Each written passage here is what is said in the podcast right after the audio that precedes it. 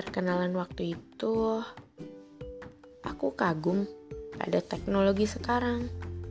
Aku kagum pada kemodernan zaman yang canggih ini. Aku juga kagum pada segala yang ada di bumi ini, termasuk dirimu. Entah sejak kapan, dirimu tiba-tiba saja hadir.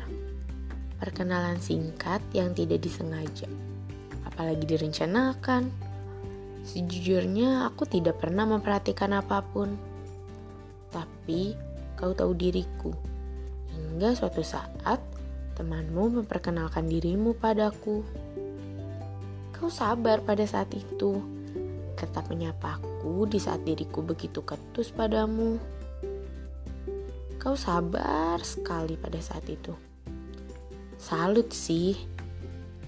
Hingga aku berpikir, apa diriku setega itu padamu?